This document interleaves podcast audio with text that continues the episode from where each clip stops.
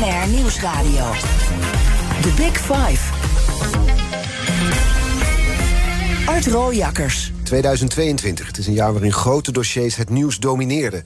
Het was een jaar met grote maatschappelijke uitdagingen die voor iedereen voelbaar zijn. De kachel moet lager, er is tekort aan woningen, scrapt in de portemonnee door inflatie. En daarbij maken we ons ook druk om dossiers als migratie en stikstof. In BNR's Big Five van het advies aan Rutte vragen we vijf top-experts... hoe moet de overheid op al deze uitdagingen in 2023 de regie pakken? En vandaag vraag ik dat aan Peter Boelhouwer... hoogleraar huisvestingssysteem aan de TU Delft. Welkom. Voordat we het gaan hebben over de grote problemen op de woningmarkt... niet overdreven om het zo te zeggen, toch? Nee, het zijn wel stevige problemen. Ja, wil ik eerst twee dingen van je weten. Uh, allereerst, het is een onzekere tijd. Is die woningmarkt eigenlijk nog een beetje te voorspellen? Moeilijker. Ja, tot nu toe konden we dat wel redelijk. En dan heb je het met name over woningprijzen, denk ik. Dat is lastiger geworden, inderdaad. Omdat ja, die rente is heel, heel moeilijk te, in te schatten. Dat is eigenlijk de belangrijkste reden. En uh, nou ja, ook wat er in, in, Oekraïne gebeurt en dergelijke met de economie. Dus het is wel moeilijker geworden. Ja. Ja, dus je leest dan nu weer over dalende huizenprijzen, ja. 6%. Dat, dat is dan wel een voorspelling die we serieus kunnen nemen? Nou, die hadden we zelfs al gedaan al een half jaar geleden, ja. Omdat we de rente zagen oplopen. Dus dat kon je wel redelijk voorspellen. Ja. En voor het komende half jaar? Ik denk nog verder lichte prijsdalingen. Ja, zit niet anders. Ja, die rente blijft natuurlijk uh, volgens nog wel hoog. We blijven nog steeds huizentekorten hebben, toch? Zeker, zeker. Dus, dus, dus, dus er blijft ook inderdaad schaarste. Maar mensen kunnen gewoon ja, meer dan 10% minder lenen. Dus ja, dat heeft natuurlijk effect op prijzen. Ja. En er is natuurlijk wel een enorme prijsstijging geweest vorig jaar... met meer dan rond de 20%. Ja. Dus daar kan wel wat vanaf bedoelen. Ja. Ja. Als je kijkt naar de alle problemen op de woningmarkt... dus een tweede vraag waarmee ik wil beginnen. Waar maak je dan het meeste zorgen om? Meeste zorgen, ja, dat zijn toch wel mensen die echt geen huis hebben. dus dakloosheid, dat is toch echt wel een heel groot probleem. Uh, arbeidsmigranten, statushouders, dat vind ik wel de grootste, ja, grootste probleem. Mensen die echt buiten de boot terecht te vallen omdat er gewoon te weinig is. Ja, ja. ja. En dat is een, een probleem, waar hebben we het dan over? Hoe groot is die groep mensen? Ja, nou ja, de, de, de, schatting is dat het aantal daklozen zo rond de 30, 40.000 ligt. Maar in werkelijkheid, de officiële cijfers, maar zal dat wellicht uh, welzijnsorganisaties geven dat ook aan. Eerder richting de 100.000 gaan. Ja. Dat zijn grote aantallen. Ja. ja. We gaan het hebben over die woningmarkt. Want de, we pro, laten we het proberen te schetsen, de problemen die er zijn. We hebben een groot woningtekort. Starters die geen hypotheek kunnen krijgen. Huur in de vrije sector die hoog zijn. Grote vermogensverschillen op de woningmarkt. Ja. Dat zijn eigenlijk de problemen waar we nu mee zitten. Dan som ik het wel een beetje, is dat wel de samenvatting, toch? Ja, ik weet niet of. Er zijn eigenlijk tien problemen die je in vier categorieën kunt. Het gaat heel snel doen. Inderdaad, dat woningtekort, de positie van, van starters, middeninkomensgroepen en ouderen. Die hebben daar ja, ook door beleid worden die daar sterker door geraakt. We hebben inderdaad die financieel-economische problemen. Dus hoge woonlasten bij mensen met een laag inkomen in de huursector. En ook wel in de particuliere huursector hoge quotes. Daarentegen hele lage quotes bij eigenaar-bewoners. Die hebben heel weinig uh, woonlasten momenteel. Eigenaar-bewoners hebben weinig woonlasten? Ja, die zijn de afgelopen drie jaar ook in de laatste woning behoorlijk gezakt. Dus die hebben, ja, naar verhouding hebben die het uh, goed voor elkaar, kun je zeggen. We hebben een probleem met leefbaarheid. Hè. Ongeveer 1,2 miljoen huishoudens wonen in wijken waar de leefbaarheid echt achteruit aan het gaan is. We hebben een aantal echte. Ja, en, nog die financieel-economische positie had je gisteren met Bas Jacobs ook ja. over. Ja, die vermogensverschillen. De woningmarkt wordt een soort motor voor maatschappelijke ongelijkheid, kun je zeggen. Dus die nemen ook toe. We belasten kapitaal niet. Nou ja, dat komen misschien straks nog op terug. We hebben problemen met, met de technische kant van de voorraad. De verduurzaming gaat te langzaam, dus we halen onze doelen niet. We hebben ook kwalitatief achterstand in woningen die na de oorlog en vlak voor de oorlog gebouwd zijn. Um, ja, die leefbaarheidsproblemen. En we hebben een groot funderingsprobleem. Hè. Er zijn veel woningen waar de fundering van voor 1970 houten palen of helemaal geen palen. Geen en door de grondwaterpeil dat het stijgen en zakken ja. is. Dus we hebben eigenlijk de technische problemen, aantal economische problemen. En we hebben dat, dat aanbodprobleem. Dus het is echt. En die hangen natuurlijk met elkaar samen. Is dat dan daarmee, want het is een hele opsomming. Is dat daarmee dan een hele sombere tijd op de woningmarkt? Of zijn die problemen er eigenlijk al 10 jaar, 15 jaar? Nee, dat tekort is echt iets van de laatste 5, 6 jaar. Dat is eigenlijk sinds 1970 zo groot geweest. En het pakt ook heel verschillend uit. Het is echt een insiders-outsiders probleem. Een insiders-outsiders Ja, maar bij mensen die het voor elkaar hebben... die hebben een eigen huis vaak al een aantal jaar geleden gekocht... hebben lage woonlasten. Ja, hebben gewoon wonen prima. De meeste mensen, hè, je kijkt naar de tevredenheid met het wonen... is ook heel hoog, nog steeds. Maar er is een toenemende groep die buiten de boot valt. En nou ja, da dat is echt wel een maatschappelijk probleem. En die mensen die buiten de boot vallen... zijn de mensen die geen huis hebben kunnen ko kopen tot nu toe? Nou, nou, niet alleen kopen, überhaupt die, die nog thuis wonen. Ik heb zelf uh, studie studenten die geen huis kunnen vinden. Die moeten heel lang reizen. Of buitenlandse studenten die binnenkomen. Arbeidsmigranten die worden uitgebuit. Statushouders. Mensen die gaan scheiden. Ouderen die vanwege hun beperkingen naar een andere woning moeten. moeten die er niet is. Dus die groep is vrij gedifferentieerd en wordt ook steeds groter. Ja, niet eenduidig te schetsen wie dat zijn. Maar het is in ieder geval duidelijk dat er een kloof is op de woningmarkt. Ja, er is en toenemende mate een kloof. ja. ja. En dat is niet 1, 2, 3 opgelost. Nee, dat gaan we voorlopig ook niet oplossen. En het wordt, vrees ik, de komende jaren alleen maar erger. Ja, toch zit ik hier tegenover ja, een, een woningmarkthoogleraar... die advies gaat geven aan Rutte. Ja. We gaan er straks, we gaan het eerst allemaal wel in kaart brengen... hoor, wat er allemaal speelt. Maar is dit op te lossen vanuit de politiek? Natuurlijk is dit op te lossen. En we komen straks op een aantal quick wins, die kun je snel invoeren. En ook structurele hervormingen. Dus nou daar komen we straks wel op. We moeten echt de woningmarkt, dat moest al jaren echt structureel hervormen. En er zijn een aantal maatregelen die kun je op de middellange termijn nemen om de woningproductie te verhogen. En je kunt op de korte termijn ook een aantal slagen maken. Dus er is echt wel wat te doen. Ja, die quick fixes komen we over te spreken. Maar ik vraag specifiek naar de politiek. Want er is natuurlijk jarenlang geroepen om de terugkeer van het ministerie van Vrom. In 2010 werd dat opgesplitst. Was dat eigenlijk een verstandige keuze? Nou ja, achteraf kun je zeggen van niet natuurlijk. Hè. Dat is een beetje vraag naar de bekende weg, zoals ik het doe. Ja. ja. Ja. Wat, waarom, wat zijn we ermee verloren geraakt? Nou, heel veel kennis met name. Ook bij het departement. Uh, heel veel kennis, inzichten. Uh, ja, dus dat, dat breekt ons nu op. En ook wel, uh, ook bij gemeentes en provincies is hetzelfde gebeurd. Hè. Daar is het eigenlijk nog ernstiger. Daar, zijn heel veel mensen afgevloeid. En ja, we willen nu die productie weer verhogen. En een van de grootste knelpunten is gewoon ja, de handjes ook bij gemeentes om die plannen te organiseren. dus aan de ene kant hebben we grote problemen op de woningmarkt. Die schetsen we net. Het valt in vier categorieën op te delen. En aan de andere kant zijn we kennis kwijtgeraakt bij de politiek. Ja, bij de politiek, maar vooral ook bij de ambtenaren. Dus, dus de, de ministerie inderdaad. Ja, dus degene, de gemeente, ja. degene die het moeten oplossen voor ons, die weten er minder van. Nou, ik denk niet dat het ontbreekt aan kennis. Ik bedoel, er zijn al jaren... toch? Nou, er zijn al jarenlang adviezen uitgebracht. Eh, twintig jaar lang wordt er al geadviseerd over. Het is, dus, dus dat betreft, ja, we weten wel hoe we het kunnen oplossen, denk ik. Het is nu een kwestie van politieke moed. Hè, om toch die Gelukkig hebben we Hugo de Jonge. Nou, die doet dat ook heel goed. In die zin, hij heeft die ambities. Heeft die, heeft ambities heeft hij altijd, ja. Nou ja, maar goed, het ontbrak het wel aan. Hè. Die, we hadden daarvoor een minister die zei van de woningmarkt is af in 2015. We doen niks meer. F Blok bedoelt u? Die bedoel ik, ja. Maar en deze, ja, je kan, je kan, we komen straks nog over wellicht te spreken over of het allemaal haalbaar is. Maar hij heeft tenminste wel duidelijke doelstellingen. En hij heeft ambities, hij wil ervoor gaan. En dat, dat vind ik heel, heel veel waard in ieder geval. Dat is, ja, dat is nieuw. Hè? Ja, klinkt ook een beetje, want we willen een miljoen, bijna een miljoen woningen gaan bouwen dan. Hè? Ja. ja, is ook een beetje. Don Quixote wilde ook winnen van de windmolens. Ja, nou ja, goed. Ik denk dat je ambitie, die moet je eerst hebben. En als die dan misschien iets langer erover doet. Maar in ieder geval, de, de, de, het, het, de tij is wel gekeerd. Nu, we komen straks nog op hoe, wat er allemaal voor andere problemen zijn. Ja, precies. Maar toch nog heel even over Hugo de Jonge. Want je bent nu positief over hem. Tegelijkertijd heb je wel eens gezegd dat Hugo de Jonge maatregelen neemt die de markt verder op slot zetten. Nou belangrijke spelers en partijen wegjagen. Ja, nou ja, dat doet hij wel. Kijk, dat is een beetje. We, dreigen in een perfecte storm. Ik, ja, ik wou een beetje positief oh beginnen. Het is kerst. We maar... beginnen negatief en eindigen positief. Nou Laten we dat kijk, het is, we, dreigen wel in een perfecte storm te komen. We hebben een aantal economisch hebben we gewoon zware tegenwind. Oplopende rentes, economische onzekerheid. Uh, inflatie die hoog is, stikstofproblemen. Nou, dat is gewoon allemaal niet handig. Dat, en, maar als we dan beleid maken wat in ieder geval die woningproductie niet ondersteunt, ja, dat is dan ook niet erg verstandig. We, we hebben enorme ambities, tweederde deel betaalbaar bouwen. We willen de huren gaan reguleren, we willen splitsen voorkomen. We hebben allemaal maatregelen bedacht die nou niet helpen om die productie te verhogen. Dus ja, dat is wel een probleem. Ja, dus aan de ene kant zijn er te veel regels, waardoor die woningmarkt nog verder op slot komt te zitten. En aan de andere kant is een gigantische vraag naar woningen. Ja. Ja, dus, dus je moet goed kijken van, ja, is het, is zijn de, neem je de juiste maatregelen op het juiste moment? En natuurlijk, neem pak de huurregulering, dat kun je wel doen, maar dan moet je in ieder geval zorgen dat investeerders nog een rendement kunnen halen. En dat dreigt nu te, te, te komen te vervallen. En dan, ja, dan vallen investeringen stil en dan, dan gaat ook de productie dalen. Dus daar moet je erg voorzichtig mee zijn. The Big Five. Art Rojakkers. Met vandaag de gast Peter Boelhouwer, hoogleraar huisvestingssystemen aan de TU Delft. We hebben het over die woningen die gebouwd moeten worden. Tot 2030 zou het er bijna een miljoen moeten zijn, 900.000.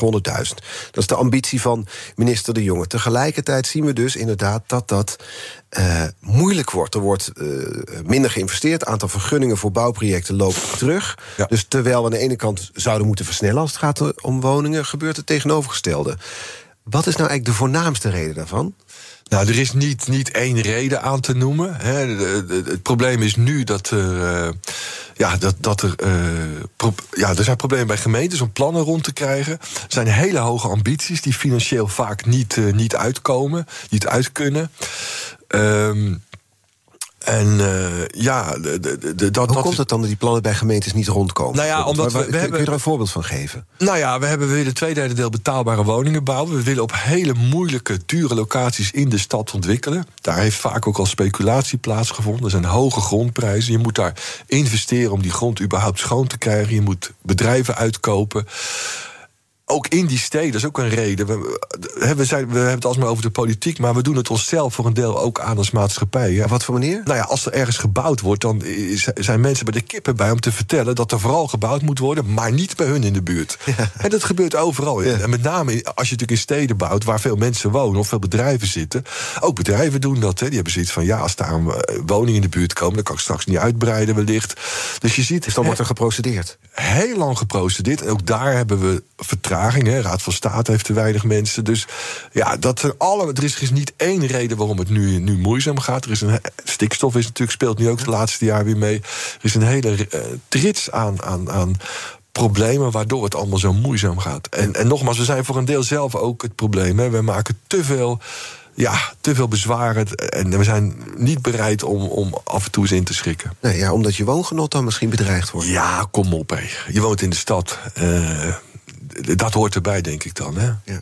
Maar het- En als het echt te gek is, kun je altijd planschade krijgen. Dat hebben we in Nederland fatsoenlijk geregeld. Mm, Nou, nou wil minister De Jonge wil meer regie over woningbouw. Ja. Hij wil een wet invoeren waarmee die gemeentes en provincies kan dwingen om op Ja. bepaalde locaties te bouwen. Eigenlijk dus meer regie naar het Rijk toe trekken daarmee. Is dat een goed idee? Nou, wat hij nu doet, vind ik prima. Hij, hij, is nu, hij maakt nu afspraken met die. Daar moet je mee beginnen. Dus een planning maken van wat wil ik, wanneer gaan bouwen, waar. Nou, daar komen binnenkort deze maand of de volgende maand. de eerste contracten zijn getekend. hè, 26 van die regio's. Dan is in ieder geval duidelijk wat de plannen zijn. En dan zal ook blijken dat een aantal plannen gewoon heel moeizaam om te ontwikkelen valt. En dan moet je met alle partijen, marktpartijen, gemeenten, het Rijk daarbij, provincies gaan kijken. Oké, kan ik die plannen aanpassen of niet? Betekent dat je misschien hogere dichtheden moet kiezen. Dat je Hogere dichtheden, nou ja, meer woningen bouwt. Dat je misschien minder betaalbare woningen moet bouwen. Dat je iets aan de kwaliteit moet doen. Of je moet daar geld, daar moet geld bij, dat kan ook een optie zijn. En je moet, als die plannen inderdaad niet realiseerbaar zijn, dan moet je gaan zoeken naar plannen die dat wel zijn. En, en, en die moet je naar voren gaan halen. En dat is wel, ja, dat is regie. Kijk, en als echt gemeentes niet willen, ja, dan kun je, dan kun je ingrijpen. Kan nu ook al. Maar ja, dat is best wel ingewikkeld. Want wie gaat dan die, die kosten dragen? Ja. Eh, Dus dat wordt echt nog wel. Dus je moet er met elkaar zien uit te komen. Dat is het belangrijkste. Nou, er er zijn, wel afspraken gemeenten- gemaakt, toch? Er Prestatieafspraken gemaakt met provincies. ja, maar dat is natuurlijk papier. Dat zijn aantallen. Ja, maar daar wordt dan aangegeven hoeveel woningen er komende Ja, jaren gerealiseerd moeten gaan worden. Hoe, hoe kan een minister bijvoorbeeld, minister De Jonge, ervoor zorgen dat die plannen ook echt van de grond komen? Nou ja, door, door concreet met die provincies en die gemeenten eh, die, eh, te gaan monitoren en te gaan, te gaan vaststellen van is het realistisch of niet. En, en inderdaad eh, te helpen, te ondersteunen daar waar dat no- noodzakelijk is. Dus dat betekent gewoon ja, echt, echt, echt de vinger aan de pols en, en de problemen gaan oplossen. En, en dat tot nu toe hebben we dat natuurlijk allemaal niet gedaan. Is het allemaal over de schutting gegooid. Hè? Gedecent- Gedecentraliseerd. Gemeentes konden dat zelf bepalen. Provincies, iedereen die deed wat hij goed dacht. Neem bijvoorbeeld die gemeentes waar heel veel arbeidsmigranten zijn. Hè? Neem het Westland. 16.000 in de hoogtijdagen eh, hebben arbeidsmigranten. Ja. gemeente Westland doet bijna niks. Nou, daar zou je kunnen ingrijpen en zeggen: nu is het klaar. We gaan daar gewoon een paar honderd of een paar duizend misschien zelfs wel. Flexwoningen tijdelijk neer. De reden dat de gemeente Westland niks doet, is omdat de. Nou, de lokale politiek eh, vindt het niet prettig dat daar al die arbeidsmigranten komen wonen. Die wonen nu in Laakkwartier in Den Haag en in Carnissen in Rotterdam. En daar staat de leefbaarheid zwaar onder druk. Gelden geldt voor een aantal Brabantse gemeenten, Waalwijk, de Meijerijen.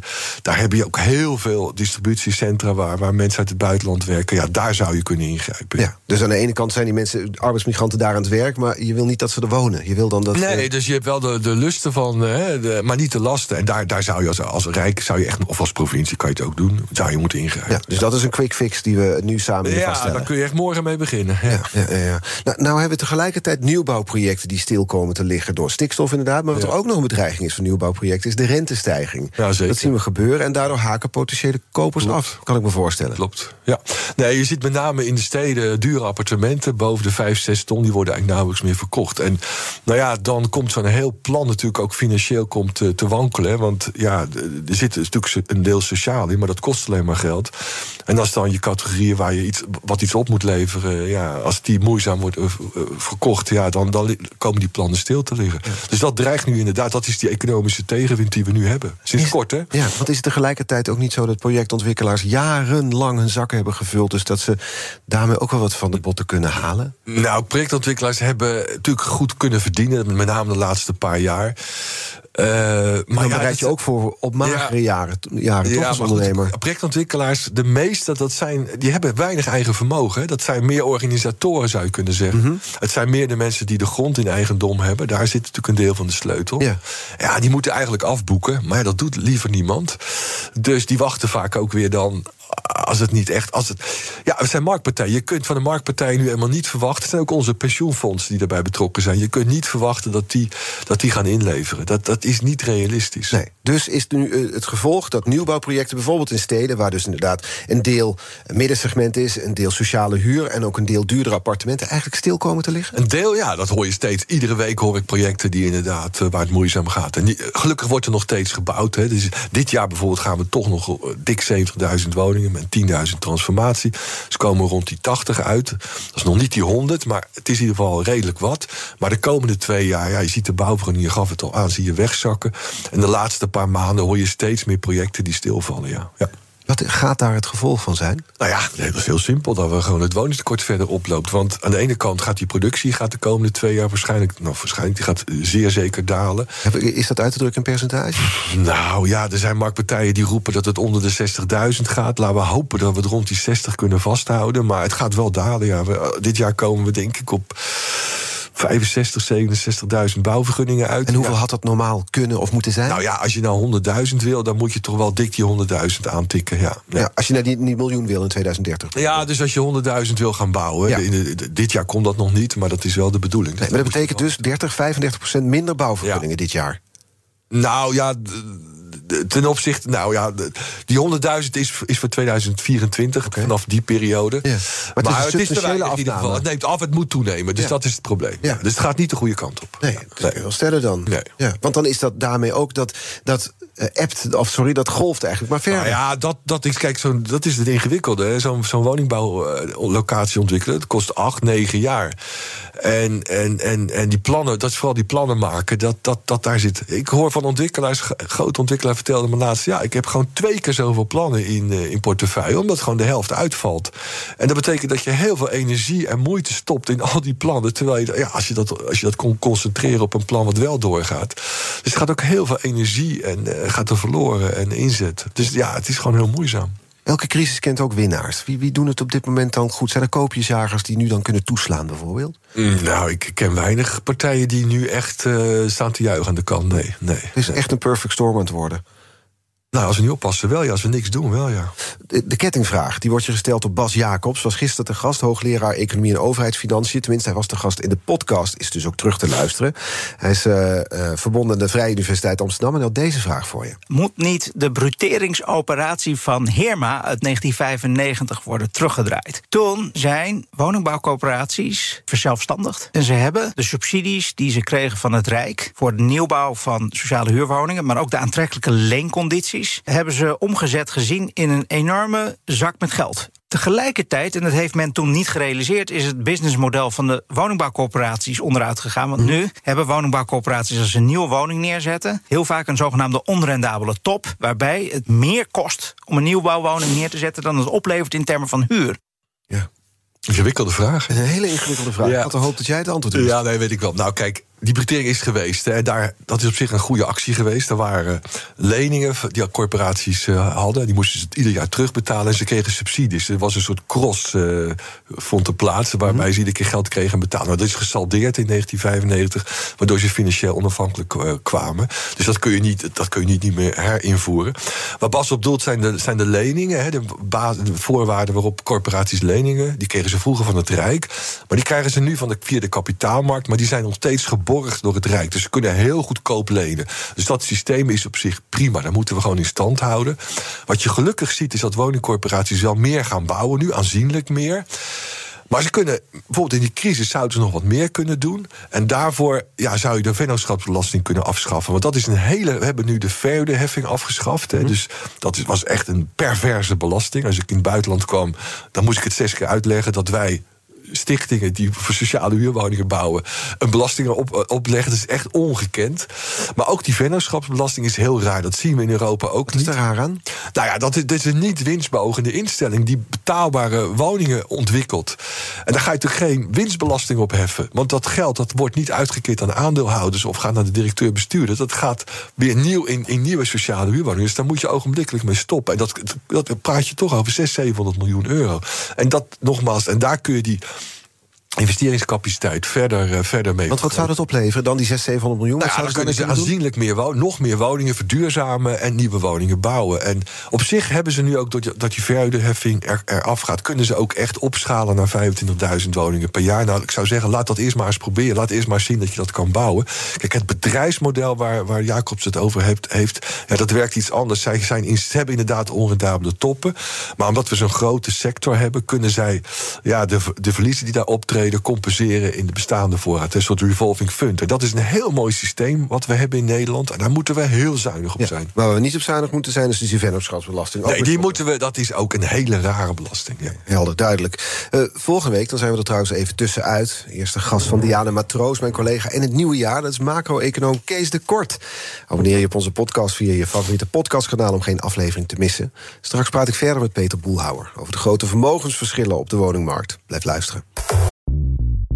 Bij BNR ben je altijd als eerste op de hoogte van het laatste nieuws. Luister dagelijks live via internet. Jelle Maasbach. Wesley Weert. We zijn er voor je met het leukste, opvallendste, maar natuurlijk ook het belangrijkste nieuws. Tijdens de presentatie van die halfjaarcijfers toen die beurskoers in elkaar kukkelde. BNR Beurs. Voor de slimme belegger. Blijf scherp en mis niets.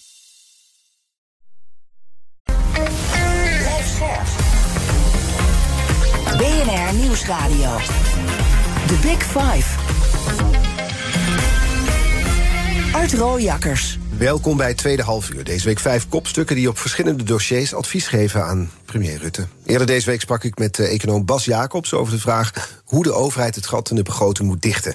Is terug te luisteren via de BNR-app. Vandaag de gast Peter Boelhouwer, hoogleraar huisvestingssysteem aan de TU Delft. Ja, komend half uur wil ik graag nog twee onderwerpen sowieso met je bespreken. Namelijk wat het kabinet op korte termijn kan doen. De quick fixes om de problemen op de woningmarkt te verminderen. En hoe de grote ongelijkheid op de woningmarkt nou kan worden tegengegaan. En als we met het laatste beginnen. Um, er zijn te weinig betaalbare uh, koopwoningen, maar ook te weinig betaalbare huurwoningen. Daarom wil minister De Jonge de vrije huursector gaan reguleren, zodat ook mensen met een middeninkomen aan een betaalbare huurwoning kunnen komen. Hij wil naar een speciaal puntensysteem toe. Is, is het makkelijk uit te leggen hoe dat gaat werken? Nou ja, dat is niet zo ingewikkeld, denk ik. Je, we kennen allemaal in de sociale huursector inderdaad een puntensysteem... waar op basis van de kwaliteit van de, van de woning... en dat kan, hè, de grootte, de ligging, maar uh, speelt allemaal mee is er een maximale huur die je kunt vragen. En dat gaat hij optrekken richting de, nou, volgend jaar dan 1100 euro. Dus er vallen meer woningen onder, dat, eh, onder, die, onder die regels. En dat betekent dat gemiddeld de, de huren met zo'n ja, 190 euro gaan dalen. Gaat het er ook voor zorgen dat meer mensen aan een betaalbare huurwoning kunnen komen? Nou, dat vrees ik niet. Want wat er gaat gebeuren is dat investeerders gaan zich terugtrekken. Dat deden ze al trouwens. Dus dit, helpt niet om ze weer terug te krijgen. Ze trekken zich terug omdat het niet meer rendabel is? Nee, klopt. Ja, ze hebben ook te maken met die hoge rente. En hun exploitaties staan al onder druk. Als je hier in Amsterdam kijkt, ja, dan zijn die rendem, de aanvangsrendementen noemen we dat, ja, die liggen rond de 3, 4 procent. Daar kun je niet veel zakken, want je hebt ook nog je kosten. En dat zijn onze pensioenen ook waarin belegd wordt. Nou, wat je voor de rest, dus die, die staan onder druk. En nou ja, je, je hebt ook heel veel, er is ook heel veel kritiek op geweest hoor. Van kleine beleggers die woningen opkopen en dan verhuren. Nou, dat gaat ook eh, stilvallen. Verwachting van die eh, koppel die die eh, huurt, of die eigenaren vertegenwoordigd is dat er per jaar zo'n 25.000 woningen teruggaan naar de koopsector. Dat is goed nieuws, toch? Dat is goed nieuws voor starters en voor kopers die dat kunnen betalen. Dus de een heeft daar voordeel van en de ander niet. Maar je vroeg aan me, eh, levert het meer betaalbare huurwoningen op? Dus niet. Dus nee, nee. Ja, dat is wel, we zitten hier in Amsterdam, en daar maak ik me ernstig zorgen over. Hè. Die stad die dreigt een soort tweedeling te krijgen. Van aan de ene kant veel sociale huurwoningen, waar op zich ik niet tegen ben, maar daar kom je haast niet meer in. Daar zijn wachttijden van meer dan tien jaar. En hele dure koop- en huurwoningen boven de vrije sectorgrens dan, hè, boven de 1100 euro. Ja. Middeninkomensgroepen hebben dan echt geen kans meer. Voor alle duidelijkheid, middeninkomensgroepen, Nou ja, dan hebben we het over... Tussen 40.000 en 80.000 euro. Daar heb je eigenlijk heb je in zo'n stad dan niks meer te zoeken. En je zou juist wensen, dat wil de minister ook, dat daar juist meer aanbod komt. Maar ik vrees dat deze maatregelen alleen maar gaan leiden tot minder aanbod in dit segment. Ja. Ja, dus leraren komen niet meer naar een grote stad zoals dit, in Amsterdam. Nee, dus dat wordt dan heel moeilijk. Ja. En die kunnen dan wel naar Al- Almere en Lelystad. Maar in Hier in Amsterdam. de stad zijn ook grote lerarentekorten. Ja, nou, dus dat wordt heel. Er is al een groot probleem in, in Amsterdam. En dat wordt alleen maar groter, vrees ik, door deze maatregelen. Nou weet ik dat Hugo de Jong op dit moment zit te luisteren. Dus wat zou hij nou wel kunnen doen om de huren betaalbaar te maken? Nou ja, wat, die, eh, wat, die- wat de huren betaalbaar maken, dan moet je, dan moet je eh, zorgen dat, het, dat, dat er een voldoende rendement voor die beleggers eh, te halen valt. En dat doen ze ook in Amsterdam. In Amsterdam Ja, maar dan zijn de huren weer te hoog, waardoor die want leraar wat nog er- steeds niet Nee, geholpen wat is, er in? Utrecht en Amsterdam gebeurt, is dat er worden. Maar daar eh, gaat hij dwars doorheen nu. Is dat er afspraken worden gemaakt over de grondposities. Dus, dus, eh, dus beleggers nemen genoegen met een bescheiden rendement. Dat is ook transparant. En dan zegt de gemeente: oké, maar dan moet je die woning ook 20 jaar lang tegen die huurprijzen in dat middensegment houden. En dan krijg je een korting op de grondprijs. En zo kun je het organiseren. Ja. En, en dat, ja, dat, dat, dat, En daar gaat hij nu dwars doorheen, ja, in waardoor... feite wel, ja, want ze kunnen die huren nu niet meer vragen. Dus, dus, de, dus die exploitaties komen gewoon onder druk te staan. Ja. Ja. Maar dat met als gevolg dat het dus het probleem eigenlijk verergerd Ik wordt denk met dat deze we deze maatregelen. maatregelen op termijn het probleem gaan Het vergroten. is niet alleen niet helpen, deze maatregelen, maar we Nou ja, maken het wel- probleem wel- groter. Nou ja, er komen wel. de- Kijk, er, er worden wel woningen goedkoper. Dus, de, de- dus je vroeg me af, komen er meer woningen bij? Dat niet. Ja. Maar de woningen die er nog zijn, die worden wel meer betaalbaar. Dat wel. Maar dat is een, ja, dat is een keuze, die kan je maken. Ja. We hadden het net al kort over huizenbezitters, want dit gaat over de huren. En toen liet je een beetje doorschemeren dat huizenbezitters eigenlijk meer moeten gaan betalen. Ja. Belasting. Zeker, ja. Als je kijkt naar de, de woonuitgaven van, eh, van, eh, van kopers met name... die zijn enorm gedaald. Je zit op een woonquote van zo'n 16 procent. Wat betekent dat? Nou, dat je 16 procent van je inkomen aan, eh, aan, aan, aan wonen uitgeeft... aan hypotheeklasten en aan, aan bijkomende belastingen. Dat, Is, dat is extreem laag. En zeker Want huurders zitten of waarom? ja, die zitten dik boven de 20. En, en huurders in de particuliere huursector richting de 40 en soms wel 50. Dus daar moet je echt wat gaan doen. Kijk, en het punt is ook dat we juist die groepen nog steeds zwaar subsidiëren. Dus we hebben wat we noemen eigendomsbeleid. Hè. We, hebben, we, we, we, hebben een eh, koopsector die zwaar ondersteund wordt fiscaal nog. Ook groepen die het eigenlijk helemaal niet... Zoals wij bijvoorbeeld, wij hebben dat helemaal niet nodig. Wij worden- Hypotheekrenteaftrek. Bijvoorbeeld, ja. Hebben dat niet nodig. We betalen geen belasting op onze vermogenswinsten. Er zijn veel kopers die hebben de afgelopen twee jaar meer verdiend met waardestijging van hun woning dan met werken. Nou, dat kan toch niet de bedoeling zijn. En gisteren heeft Bas Jacobs dat heel goed uitgelegd. Als we die winsten gewoon belasten, en dat hoeft echt niet tegen een heel hoog tarief, dat kan ook 30% zijn, dan kun je de, de belasting op arbeid kun je verlagen. Dat is ook heel goed voor mensen die huurder zijn, mensen, eh, voor, de, voor de werkgelegenheid. Voor de, dat, dat, de hele economie gaat daardoor beter. Oké, maar wacht, wacht, wacht. Je hebt een appartement in een grote stad. We pakken Ja. even Den Haag. Dat Ja. verkoop je met een ton winst. Ja, en dan- 30.000 daarvan gaat naar de overheid. Precies. En dat, die overheid kan dat dan gebruiken om, om, om starters bijvoorbeeld die moeite hebben op de woningmarkt te kunnen ondersteunen. Ja. En, maar de- tegelijkertijd hebben we net geconstateerd dat het beleid van de, vanuit de overheid niet helpt. Dat het averechts werkt om mensen Nou, te het helpen. nu huidige beleid, maar dit beleid zou natuurlijk wel helpen. En wat helpt het dan? Nou, dat, je, dat, je, dat, dat er een, een, gelijk speelveld ontstaat tussen, tussen huren en kopen. Want, Op kijk, wat voor manier? Nou ja, kijk, die, die belegger die nou die woningen hier wil, wil organiseren... Die heeft natuurlijk wel te maken met die enorm hoge grondprijzen. Want die, die, eh, die koopprijzen die ja, door, die, door die koopkracht van die kopers liggen die gewoon op een heel hoog niveau. Dus dat is geen eerlijke concurrentie. En, en, en, en, en degene die die particuliere huurwoningen huurt, die betaalt de hoofdprijs ook. Dus dat, is gewoon, dat hebben we gewoon niet, niet op een efficiënte, eerlijke wijze georganiseerd. Dus Dus, je geldt- moet zorgen dat er een level playing field En dat krijg je doordat je het belast en die belasting gebruikt om bijvoorbeeld die grondprijzen Nou voor verhuurders te compenseren. Dat zou kunnen als dat nodig is. Je kunt het ook gebruiken om, eh, om gewoon de belastingen te verlagen. Gaat nooit gebeuren met de VVD in een kabinet, toch? Nou, dat, zeg je nou. Maar we hadden in het verleden 52% hypotheekrenteaftrek. Dat is nu al teruggebracht naar 37. En nou ja, vrijwel alle landen om ons heen hebben dat gedaan. Hè. Zelfs mevrouw Thatcher, hè, dat is toch niet de meest, eh, ja, noem je dat? eh, Socialistische? actie- ja, actie- actiegerichte, activistische politica die we kennen. Die heeft gezegd in Engeland... we gaan de wortel, of de bijl aan de wortel van de hypotheekrenteaftrek zetten... want dit is niet liberaal. Wij bepalen als overheid niet waar jij je geld aan uitgeeft. En dat doe je wel als je die aftrek in stand houdt. Dus je kunt gewoon die belastingen verlagen... en mensen zelf die keuze geven. Ja, dus dan schaf je die Dus, belasting. dus vanuit een liberaal. Ik heb nooit begrepen waarom de VVD. Ja, ik begrijp het wel. Ze zijn een conservatieve partij. Ze zijn geen liberale partij. Maar als je echt een liberale partij bent. Dan moet je ogenblikkelijk beginnen met dit soort maatregelen af te schaffen. Hypotheekrenteaftrek kan verdwijnen. Ja. En belasting op over En belasting op, overwaarde. op, op waardestijging. En als het waarde daalt, kun je het ook aftrekken. Dus, Moeten er dan bijvoorbeeld ook startersleningen komen?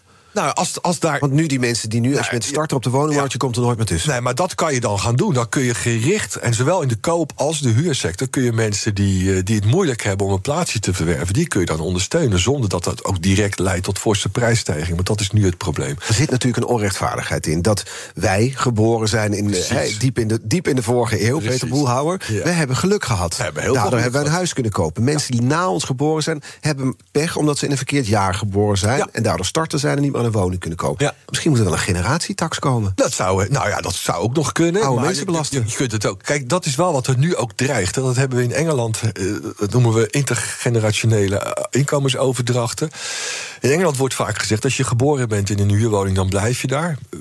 Ben je geboren in een koopwoning, dan heb je ook die mogelijkheid om dat, eh, in, eh, om dat opnieuw te gaan kopen. Dus je krijgt heel veel overdrachten, ga je nu zien. Hè. Eigen woning eigenlijk ook toch zo, of niet? Nee. ja, maar de eigen woningbezit is in Nederland eh, vanaf de jaren 70 gaan groeien. Dus die generatie die dat toen ingestapt is, die gaat nu eh, ja, die gaat, die gaat oud worden. Daar komen, komen gelden vrij. Dat gaat naar die kinderen inderdaad.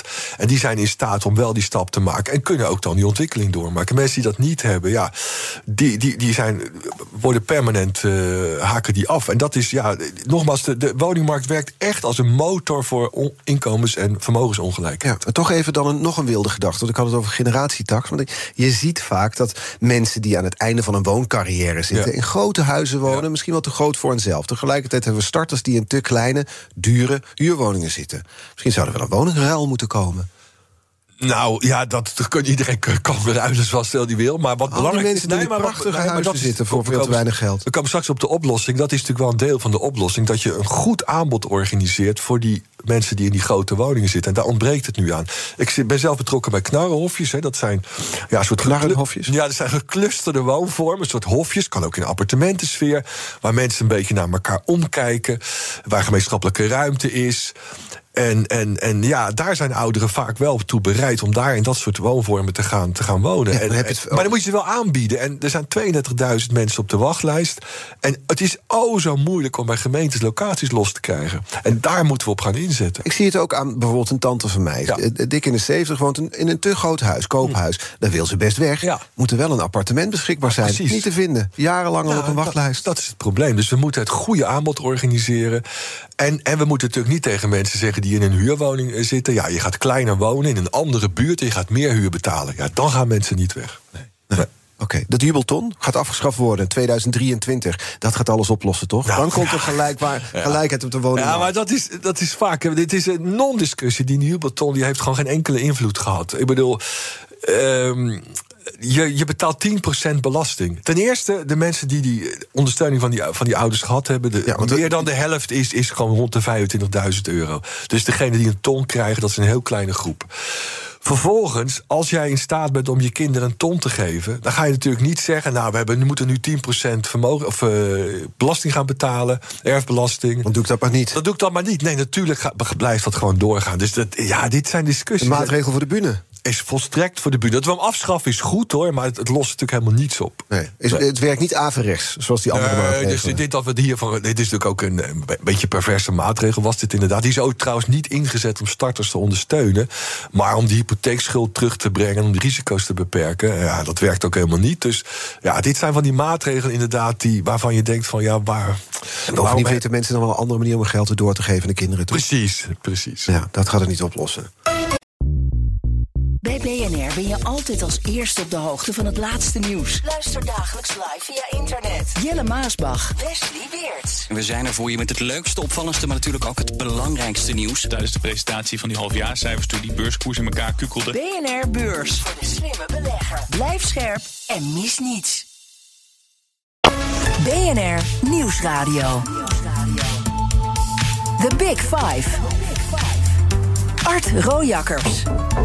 Je luistert naar PNR's Big Five van het advies aan Rutte. Eerder kregen we advies van stikstofexpert Leen Hoordijk. Dat ging over het stikstofprobleem natuurlijk. Terug te luisteren via BNR, NL en de bekende podcastkanalen. Vandaag de gast Peter Boelhouwer, hoogleraar huisvestingssystemen aan de TU Delft.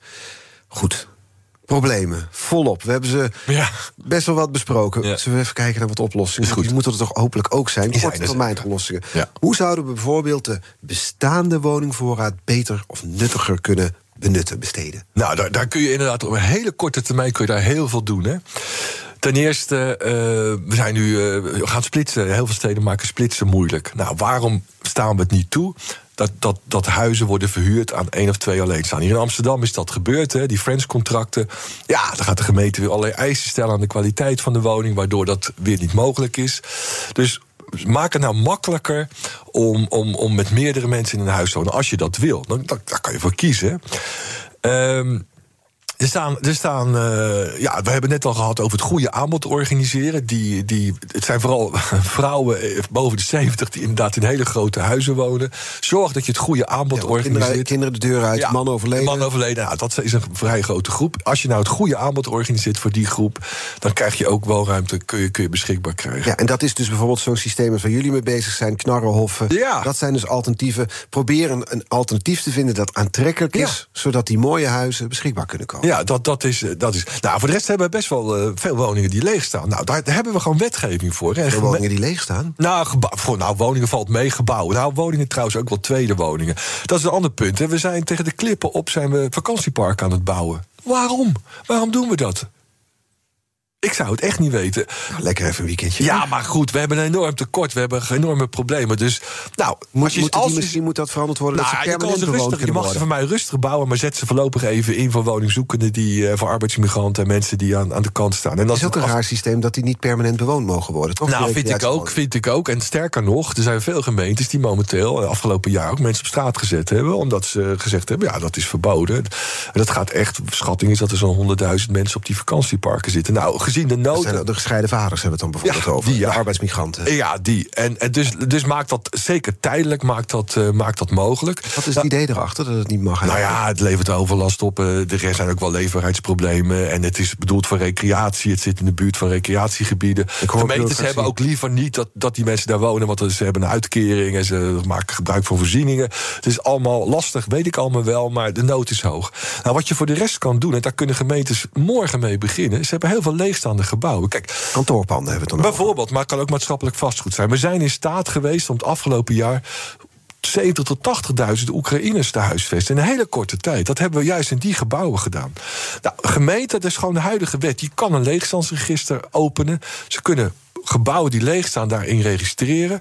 En ze kunnen na een jaar kunnen ze vorderen. Dan kunnen ze gewoon die gebouwen overnemen en daar, daar eh, een woonfunctie van organiseren. Dat kost wel geld, dus daar moet je wel een potje voor maken. Maar het kan wel. En zo kunnen we heel snel heel veel woningen Dan hebben we het organiseren. concreet over bijvoorbeeld kantoorpanden of industriepanden. Ja, nou, ja, nog- ja, maatschappelijk vastgoed ook. Kerken, bedrijfsgebouwen, kantoren inderdaad. Als je die la- ja, langer dan een jaar leeg hebt staan... dan kun je ze vorderen. Daar hoeven wij niet eens de wet voor te veranderen. Nee.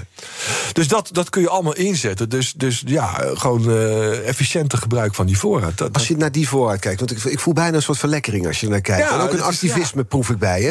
Ja, Over hoeveel mensen zouden kunnen huisvesten als dat wel benut zou worden? Nou ja, er zijn schattingen dat, er, dat je een paar honderdduizend mensen kunt huisvesten op die manier. Er staat natuurlijk behoorlijk wat, uh, wat leeg als je gewoon om je heen kijkt. Dus daar pervers dat er een paar honderdduizend mensen gehuisvest kunnen worden terwijl we zo'n woningtekort hebben. Nou ja, mee eens. Ja, en dan is dat dus iets wat Peter Boelhouwer zegt tegen de politiek.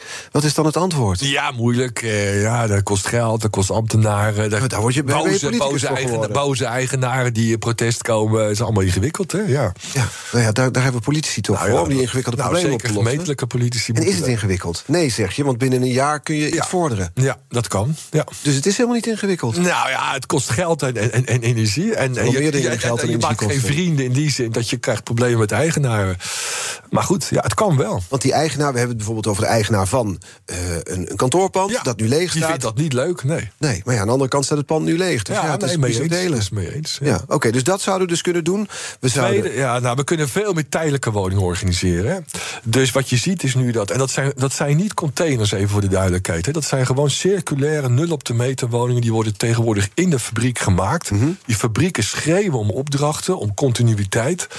Nou, we kunnen, dat kun je snel doen. Daar zijn de planologische procedures ook zijn we daar veel korter voor. Er zijn nog wel problemen met nutsaansluitingen en dergelijke. Maar goed, dat kan je oplossen op, op die plekken. Maar daar moeten ook gemeentes weer durven locaties beschikbaar te stellen. En daar zie je weer dat als op, het moment dat de gemeente daar met plannen komt, dat gelijk de buurt en de gemeenschap weer in de, in, in, in, in de contramine gaat. En dat probeert tegen te gaan. Dus Hoeveel dus daar beter is zo'n woning dan een containerwoning trouwens? Wat zeg je? Hoeveel beter is zo'n woning dan een container? Nou, heel veel beter. Dat zijn gewoon, die kun je ook als permanente woningen gebruiken. Het enige is dat ze modulair zijn. En dat je ze in elkaar kunt schroeven op, op de plek van bestemming. En dat je ze elders weer kunt, kunt neerzetten. Maar je kunt ook besluiten om ze op een plek neer te zetten die nog geen permanente woonbestemming heeft. Maar dan heb je weer de buurtbewoners die zeggen: ja, dat willen we niet. Nou ja, wat, wat, wat, wat denken ze dan? Dat is ook wel vaak. Daar zitten natuurlijk vaak arbeidsmigranten, studenten.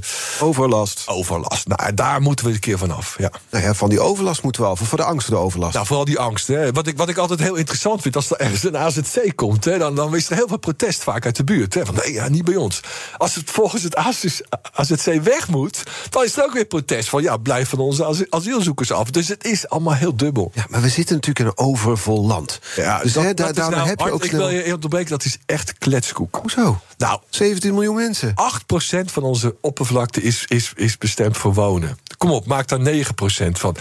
Dus er zijn nu al in die inventarisaties van de minister zijn er nu al genoeg locaties vastgesteld om woningen te bouwen, om die miljoen woningen te bouwen. Dus dat kan gewoon. Het is alleen de kwestie van. Er is helemaal geen schaarste aan, aan grond. Nee, aan grond voor woningbouw, dat klinkt gek, maar die is er wel, ja. En dan hebben we nog onze bestaande voorraad. Dus dat, dat is. Kijk, er is wel ruimtedruk, die is er wel. We hebben problemen met energielandschappen. We hebben problemen met extensivering van de landbouw. We hebben waterbergingsproblemen. Er is dus wel degelijk een strijd om de ruimte gaan, gaande. Maar ja, nogmaals, twee derde deel van onze oppervlakte is, is agrarisch landschap. Is industrielandschap voor een deel zelfs agrarisch. Mhm. Daar kunnen we zoveel beter mee omgaan. Dat de boeren dit niet horen, hè? Ja, maar ook die boeren zijn daarbij gebaat. Die kunnen landschapsbeheer doen. Die kunnen op een verantwoorde wijze dan hun bedrijf uitvoeren. We moeten alleen een stukje meer voor ons lapje vlees gaan betalen. Ja, nou niet alleen dat. Ze moeten ook toestaan dat er dus bijvoorbeeld modulaire woningen op een erf komen nou, te staan. dat hoeft helemaal niet. Er is helemaal niet nodig. Je kunt aan de randen van steden en in de steden kan je die... die dat, dat roept de BBB alsmaar van... ja, die boeren moeten wijken voor woningbouw. Dat is grote kletskoek. Is dat zo? Ja dat, ja, dat is echt zo. Nogmaals, die woningbouwlocaties die zijn geïnventariseerd, die hebben we in principe. Daar kun je gewoon gaan bouwen. Alleen, ga het maar eens organiseren. Zorg dat het financieel kan. En, en, en probeer al die protesten die, die continu de kop opsteken uh, ja, te overkomen. Hoe lang heb jij nog te gaan in je werkzame leven? Al drie jaar. Een mooi moment om minister te worden, toch? Of niet? Nou, ik moet je eerlijk zeggen, kijk, dat is niet echt een succes als academici en, en deskundige minister worden. Dat is wel een apart vak hoor, denk ik. Ja, dat geloof ik. Maar toch, als ik hier dit afgelopen uur luister, dan hoor ik een, een, een duidelijke schets van de problemen. En toch ook een aanzet tot oplossingen voorbij komen. Ja, nou ja, goed. Uh, we hebben ze gegeven. Het is, uh, laten we hopen dat, dat, dat, ze worden opgepakt. Ja, ja. Wat zou nou het ultieme advies zijn aan Mark Rutte. We slaan Hugo de Jonge voor het gemak maar even over. Maar we hebben de balans opgemaakt van dit gesprek... en nu is nog één advies aan Rutte. Wat zou het zijn, het belangrijkste? Ja, uh, maak realistische plannen. En, en, en, en wat je doet, uh, ja, zorg dat die dat dat in ieder geval op elkaar afgestemd is. Want je ziet nu een lappendeken aan, uh, aan, aan ideeën en plannen komen die elkaar deels, deels tegenwerken. Herstructurering van het systeem, korte termijn die tijdelijke woningen bouwen en die bestaande voorraad gewoon in gaan inzetten. Dat zijn eigenlijk de, de hoofdlijnen waar je nu op gaan, moet gaan inzetten. En hoe ziet onze woningmarkt er dan uit? Bijvoorbeeld, nou, laten we even pakken, eind 2026, begin 2027? Ja, dat gaat vreselijk heel lang duren. Voor dit, daar moeten we realistisch in zijn. Eh, we gaan de komende paar jaar gaan we eerder gaan die tekorten gaan groter worden. Dus, dus we zijn er nog niet. Dus nee. En, en, en, jullie hebben eerder in, in de Big Five natuurlijk die migratieproblematiek besproken. Ja, dat de Lange, ja. Ja, maar dat is natuurlijk heel bepaald. Hoe gaan we daarmee om? En daar zie ik ook allerlei onrealistische vraagstukken of, of, oplossingen vanuit de politiek komen. Die continu door de rechter worden, worden terzijde. Zoals wat? Wat zeg je? Zoals wat? Nou ja, die gezinshereniging gisteren weer. Ja. Hè? ja, dat kom op. We moeten ook hier keuzes maken. Willen we die welvaart handhaven? Willen we verzorgd worden? Dan hebben we gewoon die mensen nodig. Of we moeten zeggen, ja, we gaan afscheid nemen van een aantal bedrijfstakken, van de tuinbouw. We gaan minder distributiecentra. We gaan langer op onze pakjes uh, wachten. Maar maak, maak dat inzichtelijk dat die keuzes gemaakt gaan worden. Want nu doen we niks en loopt de boel vast. Ja. Ongelooflijk dat het toch vanuit de politiek niet gebeurt, zoals je het nu schetst. Ja, nou ja, goed, ik ben geen. Er zijn, ik, ik, nogmaals, laat ik positief zijn. Het probleem wordt nu onderkend. Dat is al heel veel beter dan een paar jaar geleden. De jongen wil er echt iets van maken. Dus laten we hem het voordeel van de twijfel geven. Zeker. Oké, we gaan de kettingvraag nog snel doen. Uh, want volgende week zijn we er even tussenuit. Maar de eerste gast in het volgende jaar, mijn collega Diana Matroos, is Kees de Kort, macro-econoom. Wat zou je willen vragen? Nou, leuk dat Kees weer op zender is, natuurlijk. Ja. hartstikke mooi. Nou, ik wil hem vragen: wel, moeten we niet bij macro-economische beslissingen veel meer kijken naar de collateral damage? zoals dat noemen. En daar heeft de woningmarkt heel veel last van gehad. Met name in de vorige crisis zijn er een aantal maatregelen genomen. waardoor de woningmarkt eigenlijk onnodig in een zware recessie is gekomen. En nu dreigt dat weer. Al die renteverhogingen. Ja, we dreigen die woningmarkt echt op slot te zetten. Daardoor die betaalbaarheid komt onder druk. De productie gaat dalen. Waardoor we heel veel schade aan onze economie uh, aanbrengen. Dus moeten we daar niet veel verstandiger mee omgaan. Met macro-economische besluiten. Met name renteverhogingen die nu gedaan worden. Ja, ten opzichte van de, het, het, ja, de, de problemen die in andere segmenten veroorzaakt worden. Gisteren kreeg ik eh, van Bas Jacobs te horen... we lijken de vorige crisis te willen oplossen. Ja, nou dat klopt wel. Ja. Dat, is, dat, dat, dat is ook hier wel. Uh, ja. Ja, nou ja, dat is ook, het is ook ongekend. We gaan niet die kant op. We blijven bij de positiviteit. Ja, maar bij die oplossingen die we hebben aangeleid. op. Ja. Ik wens je een mooie kerst. Dank voor de komst vandaag, Peter Boelhouwer. Hoogleraar huisvestingssystemen aan de TU Delft. Alle afleveringen van BNR's Big Five zijn trouwens terug te luisteren. Abonneer je op onze podcast via onze app of je favoriete podcastkanaal om geen aflevering te missen. Nu op deze zender Kees Dorrestein met BNR Breekt. En vanmiddag mag ik invallen voor Wilfred Gené bij de Friday Move. Dus tot dan. Dag. Bij BNR ben je altijd als eerste op de hoogte van het laatste nieuws. Luister dagelijks live via internet. Jelle Maasbach, Wesley Weert. We zijn er voor je met het leukste, opvallendste, maar natuurlijk ook het belangrijkste nieuws. Tijdens de presentatie van die halfjaarcijfers toen die beurskoers in elkaar kukkelde. BNR Beurs. Voor de slimme belegger. Blijf scherp en mis niets.